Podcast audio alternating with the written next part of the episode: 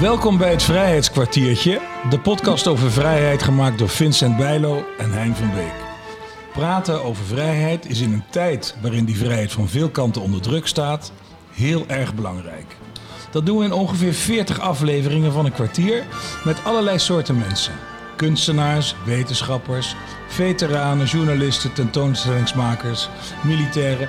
Allemaal vertellen ze verhalen van vrijheid om ze door te geven en het belang ervan onder de aandacht te brengen.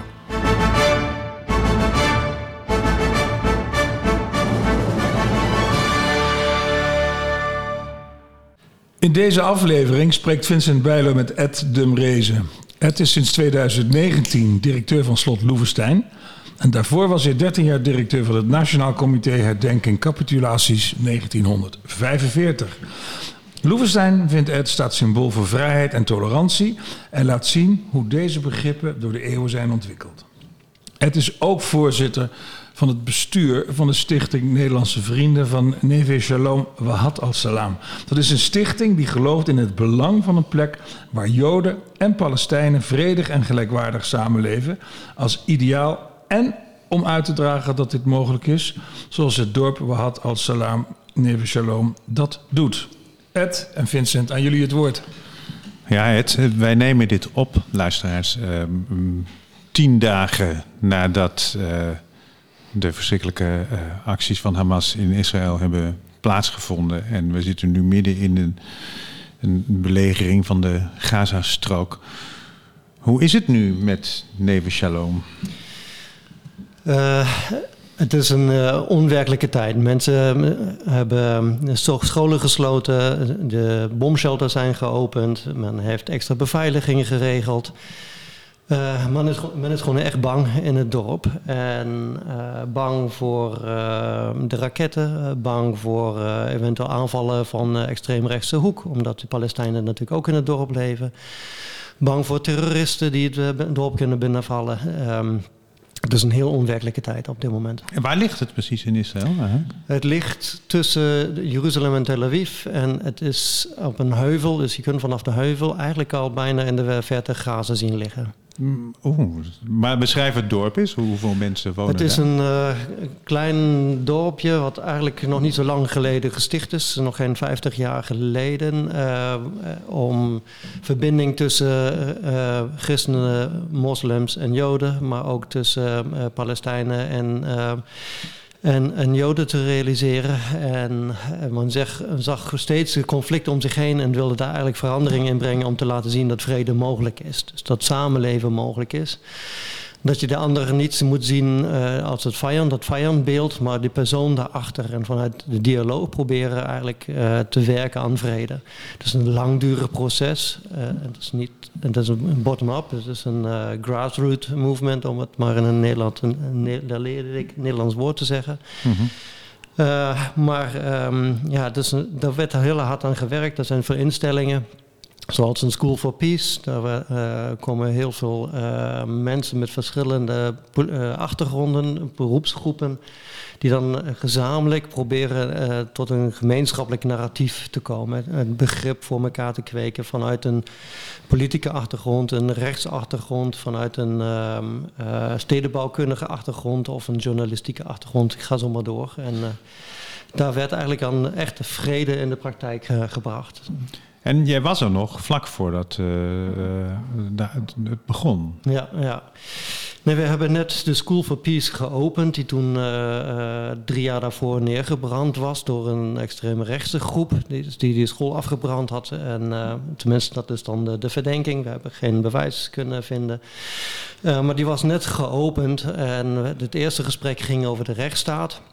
En het belang van de rechtsstaat, want uh, die stond uh, onder druk. Die hele discussie in Israël ging over de ontmanteling van de rechtsstaat. Wat we helaas ook op heel veel andere landen zien. In, uh, in Polen, waar we net ook verkiezingen hebben.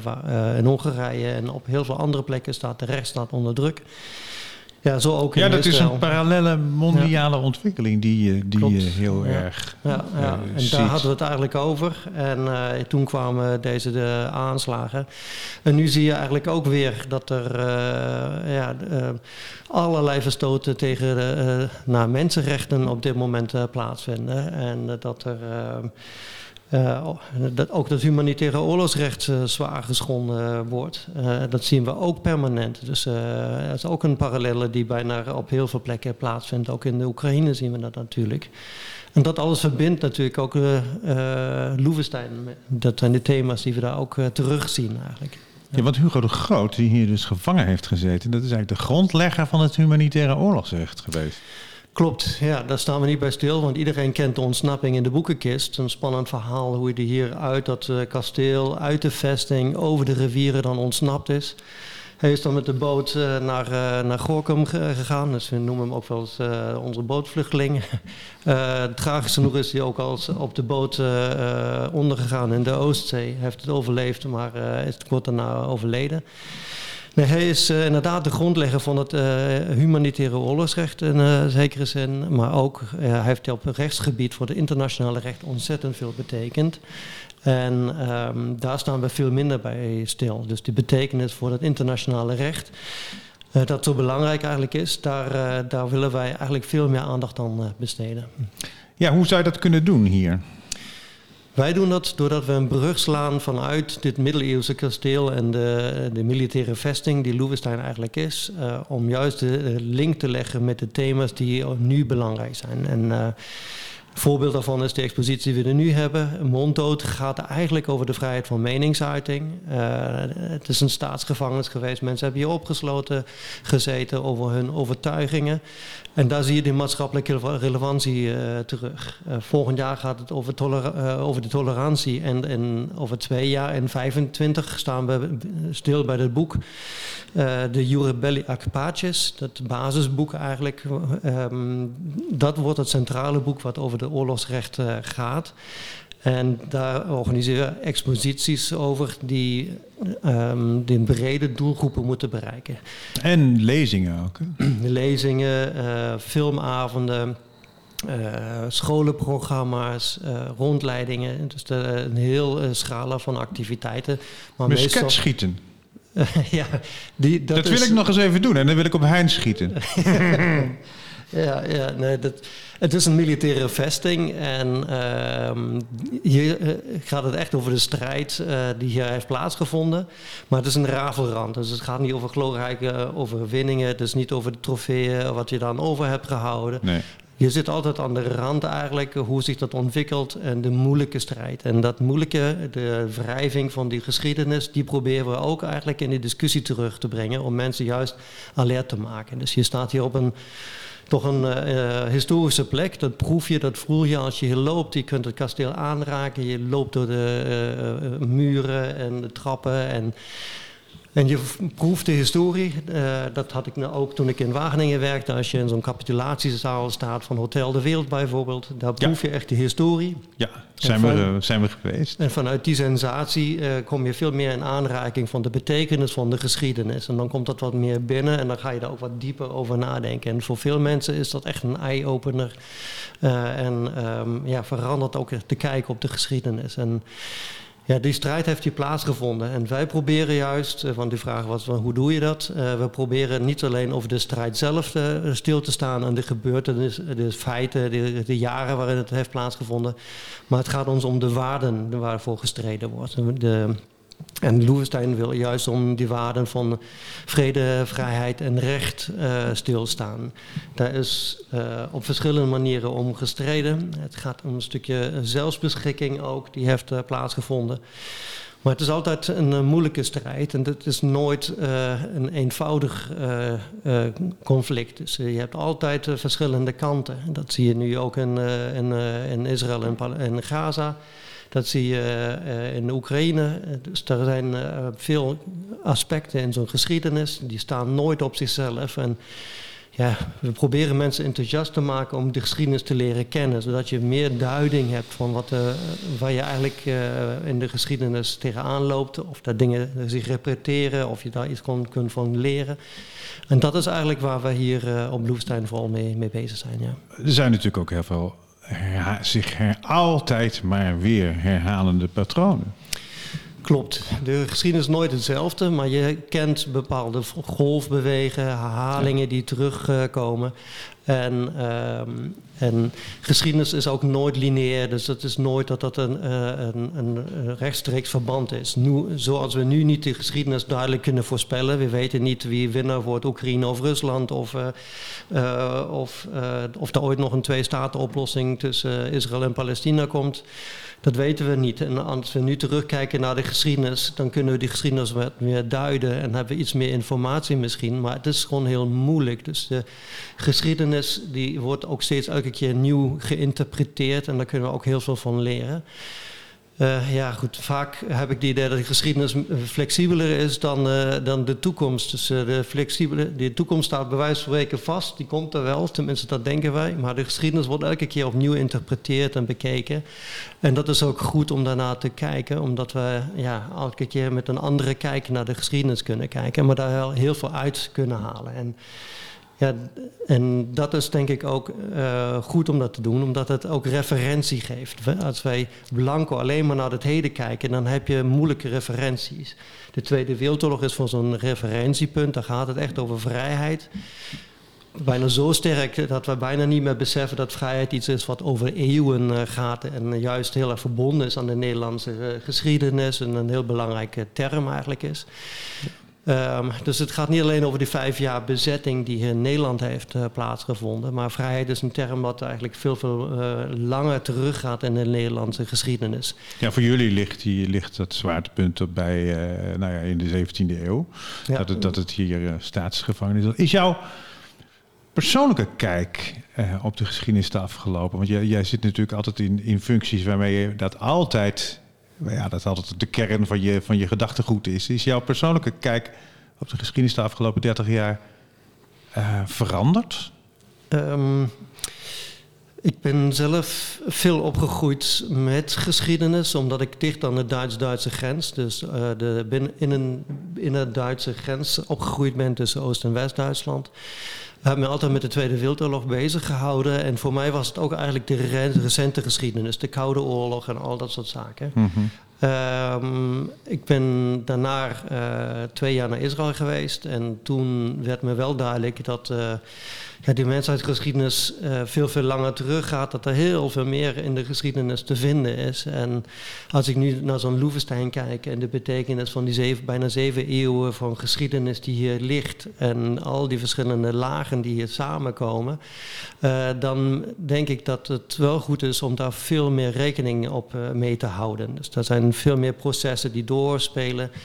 Uh, en tegelijkertijd ook uh, zich steeds meer versnelt. Dus we hebben juist die geschiedenis een, een, uh, nodig om in een tijd die zo aan het versnellen is, waar we nu ook zeker in een tijd terechtkomen die een beetje uh, een bijna ideologieloze tijd is. De religies ja. zijn weg, de ideologieën zijn weg, het communisme is vervallen, de liberalisme is beschadigd, uh, de, de democratieën worden als zwak gezien. Dus ja, er is, veel, is een zoektocht in deze samenleving. Ehm, en tegelijkertijd ehm, hebben we juist dan denk ik wel die geschiedenis nodig om daar ook bij stil te staan. Ja, de geschiedenis meer als om, om dingen aan te eiken.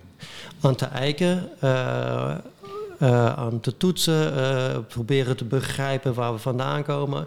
Maar ook deels ook als waarschuwing. Dus als waarschuwing van uh, als het, uh, dat, dat je niet te lichtzinnig daarmee moet zijn. Dus, nee. uh, het is een fatalisme af en toe van dan maar daar tegenin of alles kwijt. terwijl er echt voor gestreden is om die vrijheid te krijgen die we nu hebben. op vele momenten in de geschiedenis. Dus het is geen vanzelfsprekendheid. het is al vaker in deze podcast volgens mij ook al gezegd. Maar uh, het is al lang geen vanzelfsprekendheid. Niet alleen in de tweede, sinds de Tweede Wereldoorlog, maar ook daarvoor. En, um, en ja, dat fatalisme is heel gevaarlijk. Dus uh, het weggeven van uh, de democratische vrijheden, van uh, de, vrijheid van meningsuiting, ehm, het niet meer naar elkaar luisteren, een stukje tolerantie wat ontbreekt. Ik denk dat het daarom gaat eigenlijk. En ehm, daarvoor is geschiedenis denk ik ook belangrijk. Dus de kwetsbaarheid te zien van wat er allemaal opgebouwd is. dat beschermen, maar ook proberen constructief verder te denken. Dus geschiedenis kan ook inspireren. Het moet dienen als voor innovatie, voor creativiteit, voor nieuwe oplossingen die we zoeken. En, ja, uiteraard, want met dat fatalisme, dat kan je constateren. En dat is denk ik ook wel het grootste gevaar uh, momenteel in, in de. Je zag dat ook met, met, met Trump. Bijvoorbeeld dat, nou ja, dan moeten we het maar doen en dan moet hij, dan laat, dan laat hij. Bedoel, je, je hebt geen keuze, want die man was democratisch gekozen. Maar uh, uh, het fatalisme, maar dan nog ook tegelijkertijd de veerkracht van de democratische instanties, die ook in Amerika heel groot bleek te zijn, gelukkig. Ja, ja. Nee, dat, dat is ook heel uh, hoopgevend om dat te zien. Dus ja. de veerkracht is groot. We hebben veel kritiek op de democratie vaak hoor je toch steeds meer mensen die zeggen van ja, soms heb je een sterke man nodig. Net is altijd een man trouwens, maar uh, uh, je hebt die nodig om toch een keer de problemen uh, op te lossen. Maar dat gemoorden, dat gepraat, dat is nodig en een deel van het proces. En we zitten in een moeilijk proces waar heel veel gebeurt met technologie, met uh, met uh, ja, toch een globale, globale wereld die er gewoon is. Die dichter bij elkaar gegroeid is. Waar we schuren tegen elkaar, met verschillende religies, culturen. Ja, hoe los je dat op? En dat is vaak toch dan de moeilijke weg van de dialoog. van het praten, van elkaar leren. En en ja, dat is een moeilijk traject. En uh, ja, het is hoopgevend dat het dan wel lukt. Maar als je kijkt naar uh, internationaal, dan zie je toch dat dat aantal landen dat democratisch is, toch wel sterk minder geworden is. Dit, ja. De hang naar, uh, naar autocratieën wordt steeds groter. Dus ik hoop dat zich dat weer herstelt. En uh, nou ja, dat leren van de geschiedenis is des te belangrijker. Dus, uh, voor mij is dat echt een belangrijk aspect. Ik, uh, ik heb veel mee bezig gehouden met de Tweede Wereldoorlog. Hier op Loevestein hou ik me heel veel bezig met de verschillende periodes. Kijk je naar Hugo de Groot, daar had je ook een polariseerde periode. Dus het ja. liep ook heel uit elkaar. Het was... Ja heel gepolariseerd. Uh, dat, nou ja, dat lijkt nu ook zo te zijn. Dus nou ja, ik zeg even lijkt, want dan moeten we ook kijken, is dat wel zo? Want, uh, of ervaren het alleen maar zo? Ja, dus, er is uh, laatst een onderzoek geweest en daar bleek eigenlijk uit dat, um, dat als je digitaal analoog, analoog opsplitst, dat de Nederlanders zelf eigenlijk veel minder gepolariseerd zijn dan je op het digitaal niveau zou verwachten. Ja, ja. En dat is ook wel interessant, vind ik, omdat we een heel ander beeld hebben. Klopt, want die perceptie is dat we heel erg gepolariseerd ja. zijn. Maar eigenlijk valt het wel mee. Maar als we nu heel erg in dat mantra doorgaan dat het heel erg uh, fout gaat, dan ja. kan het wel een soort self-fulfilling prophecy worden. En ja. dan spiegelen aan andere periodes dat dat ook uh, uh, heeft plaatsgevonden. En hoe kom je dan daaruit? Dan kan zo'n periode van Hugo de Groot ook wel inspirerend werken dat die polarisatie ook op andere manieren op te lossen is. Nou, hier is het uh, bij in de tijd van Hugo de Groot is die gewoon opgesloten. Dus dat is uh, niet de manier hoe we het nu willen oplossen. Nee. Maar dan is het nu belangrijk te beseffen dat we instituties hebben, dat we mogelijkheid hebben om met elkaar in overleg te gaan, te stemmen, uh, dat we ook minderheden beschermen. Ja, dat soort aspecten die zijn wel goed om dan te beseffen. En dat dat willen we en kunnen we hier ook op uitdragen op zo'n oude vesting als Loevestein. Juist, en dat gaat allemaal op slot Loevestein. De tentoonstelling die gaat komen, hè? Hugo de Groot, eigenlijk grote lijnen. Ja. Uh, uh, belangrijk, want het zijn eigenlijk onze grondbeginselen, toch? Ja, ja. ja zeker. Dus... Dat, uh, dat rechtsdenken dat gaat ver terug. En Hugo de, uh, de grootste boeken over recht werden al nog, uh, waren basisboeken die tot de jaren 60 onder aan de universiteiten gebruikt Ja, ik heb ze ook nog recent. Dus dat, het recht op muiten, die vond ik ook zo mooi. Ja, ja, ja nee, er zijn ook wel bijzondere dingen. Dus het is niet dat we personenverheerlijking hier nee. doen. dus hij heeft, ook wel, hij heeft ook wel een rol in de VOC. Dus dat ja, is ook goed om daarbij stil te staan. Ja, Anton de Kom, ik zie het boek liggen inderdaad. Daar werd ook wel veel goed gesproken in het kader van de VOC. Hè, met het recht op de, de zee en de vrije vaart. En dat kwam de Hollanders goed uit. Dat is ja, een klein kanttekeningetje. Maar ja, ja, makkelijk hè, nu zo. Ja, uh, uh, Holland was natuurlijk in, uh, in strijd met, met de Spanjaarden en de Portugezen. En die wilden claimen dat die zee van hun is. En toen zei Hugo de Groot eigenlijk Jongens, dat het anders is. deze podcast heet het Vijfste kwartiertje. ja, nee, dus we kunnen er inderdaad nog uren over doorspreken. Maar dan, kan kunnen we doen. Met de inspiratie. maar dus, jullie gaan hard eraan werken om de jeugd te bereiken. Omdat ze hier komen. Zodat ze, Ja, nee, de, jeugd is zeker een belangrijk aspect. En die komen ook graag omdat je hier die geschiedenis echt kunt aanraken. Uh, maar ik denk ook dat het belangrijk is uh, dat veel, uh, niet alleen de jeugd, maar ook de volwassenen verantwoordelijkheid nemen. Want vaak is het zoiets van, ja, jeugd, jullie toekomst, jullie moeten maar opknappen.